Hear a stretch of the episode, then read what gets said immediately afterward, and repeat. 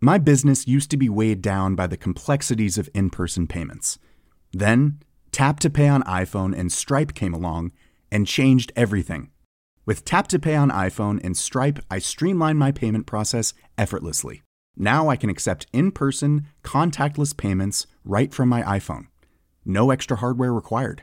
What's truly remarkable is how I can cater to all of my customers' payment preferences. Whether they're using cards, Apple Pay, or other digital wallets, Tap to Pay on iPhone and Stripe ensure a smooth checkout experience every time. And it's not just me. Stripe helps businesses of all sizes, from local markets to global retailers, scale quickly and stay agile. To learn how Tap to Pay on iPhone and Stripe can help grow your revenue and reach, visit stripe.com/tapiphone. Hei og velkommen til Teknologitrender, podkasten som tar et entusiastisk, men også et kritisk blikk på hvordan teknologi og digitalisering endrer og påvirker våre liv og næringsliv. Episoden presenteres av Episenter, Oslos hub for digital innovasjon og et økosystem for innovative selskaper i vekst. Gå inn på episenteroslo.com og bli medlem, du også. Fremtiden er falsk. Falsk som i virtuell, kunstig og 3D-printa. Fremtiden vil i økende grad bli preget av virtuelle verdener og til slutt metaverset. Nyhetene vil fortsette å bli utfordret av falske nyheter, men ikke minst av deepfakes. Vi kommer til å spise mye mer falske kjøttprodukter i fremtiden, og kroppene våre vil få falske organer og bli utstyrt med implantater.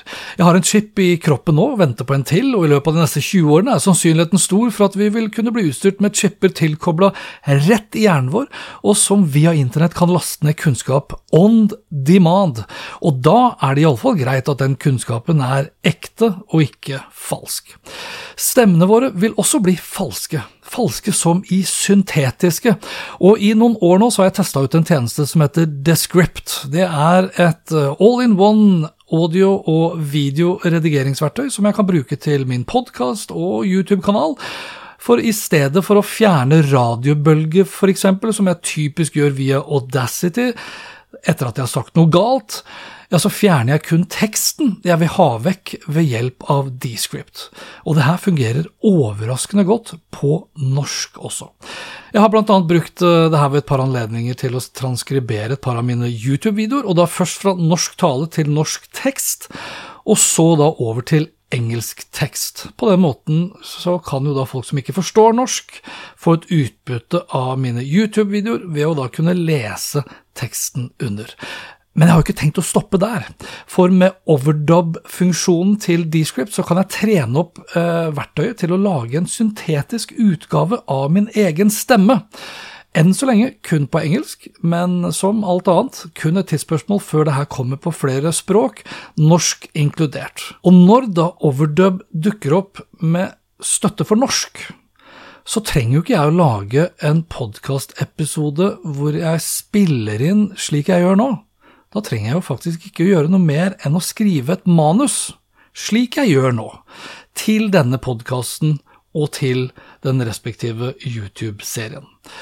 Og med et deepfake-verktøy så kan jeg jo selvsagt også få laget en YouTube-video av meg selv, bare basert på et bilde, hvor jeg da tilsynelatende ser ut til å spille det hele inn. Falskt som bare faen, pardon my French, men veldig fett. Og farlig. For med den teknologien her så kan jeg selvsagt erstatte min egen stemme med f.eks. Kjetil Dale sin stemme da, fra TV 2-nyhetene. Eh, ingenting i veien for å ta opp nok minutter med hans stemme når han er på TV, slik at jeg kan trene opp da overdub til å få han til å si akkurat hva det er jeg vil at han skal si. Og når den syntetiske stemme blir så god at du og jeg ikke vil kunne høre forskjellen på hva som er ekte og falsk, med eller uten deepfake-videoer i tillegg, for å ytterligere da gjøre det vanskeligere for deg å vite hva vi skal tro på, ja, da er vi i gang. Vi er heldigvis ikke der ennå, men som du og jeg vet, så går det her raskere enn vi aner, og gjerne kanskje også raskere enn vi skulle ønske. Om ikke dagens demokratier er truet av falske nyheter og propaganda som får vinger til å fly med, da ved hjelp av sosiale medier og algoritmer så kan jeg love deg at morgendagens demokratier skal få litt å stri med i årene som kommer. Nå lurer du kanskje da på hvor god den teknologien er allerede, og det skal du selvsagt få lov til å høre for deg selv. Da med den litt dårlig trente utgaven av min engelske syntetiske stemme. Speaking of fake and a fake future, one of China's biggest video games designers has appointed an artificial intelligence driven humanoid robot to head its branches. The robot CEO's name is Ms. Tang Yu. This is truly a first in the world. Indeed, the new boss is a robot. NetDragon Websoft stated that Tang Yu has been appointed head of the Fujian branch, one of the company's most important branches. And since we are talking about fake bosses, the future of humanoid robots will of course not only come from China. Rumors has it that Elon Musk is to unveil his own humanoid robot, known as Tesla Bot or Optimus, during Tesla's Artificial Intelligence Day on the 30th of September, Reuters report. The news agency says thousands of the devices could be rolled out across the firm's electric car factories, with production on the units on the cards for as early as next year. I did mention brain implants earlier in this episode. What if artificial intelligence can be used to amplify your creative skills? What if you could have OpenAI's technology to create art implanted in your brain as opposed to have it on your laptop as a creative tool? If tools such as Midjourney or DALL-E is not scaring today's real artists, this will definitely scare the living shit out of them tomorrow. Last but not least, when we are talking about a fake future, we have to mention the metaverse, right? And when talking about the metaverse, it is difficult not to mention Meta and Mark Zuckerberg. His quest to become the dictator of the metaverse has cost him and his company billions of dollars. Less than two years ago, Mark Zuckerberg stood amongst an elite group of ultra wealthy individuals, with only Jeff Bezos and Bill Gates in front of him in the queue. His wealth had ballooned to $142 billion.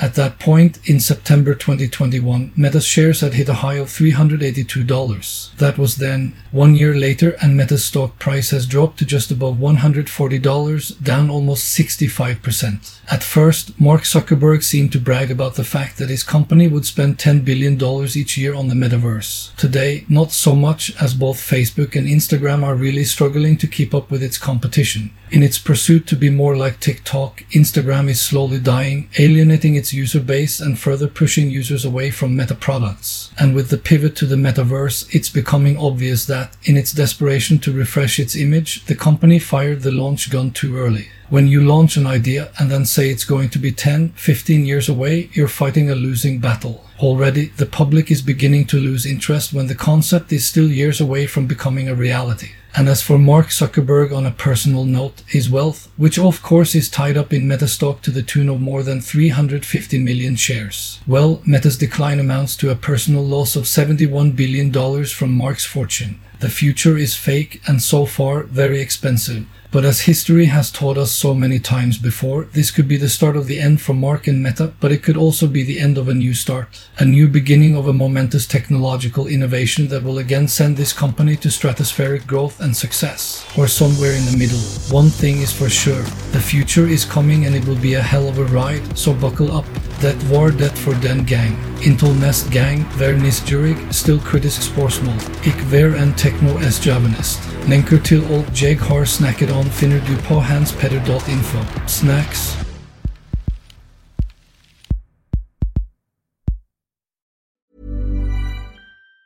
Planning for your next trip? Elevate your travel style with Quince. Quince has all the jet setting essentials you'll want for your next getaway, like European linen, premium luggage options, buttery soft Italian leather bags, and so much more. And it's all priced at 50 to 80% less than similar brands. Plus, Quince only works with factories that use safe and ethical manufacturing practices. Pack your bags with high-quality essentials you'll be wearing for vacations to come with Quince. Go to quince.com slash trip for free shipping and 365-day returns.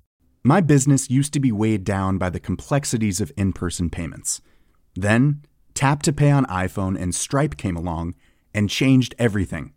With Tap to Pay on iPhone and Stripe, I streamlined my payment process effortlessly. Now I can accept in person, contactless payments right from my iPhone. No extra hardware required. What's truly remarkable is how I can cater to all of my customers' payment preferences. Whether they're using cards, Apple Pay, or other digital wallets, Tap to Pay on iPhone and Stripe ensure a smooth checkout experience every time. And it's not just me. Stripe helps businesses of all sizes, from local markets to global retailers, scale quickly and stay agile. To learn how Tap to Pay on iPhone and Stripe can help grow your revenue and reach, visit stripe.com slash tap iPhone.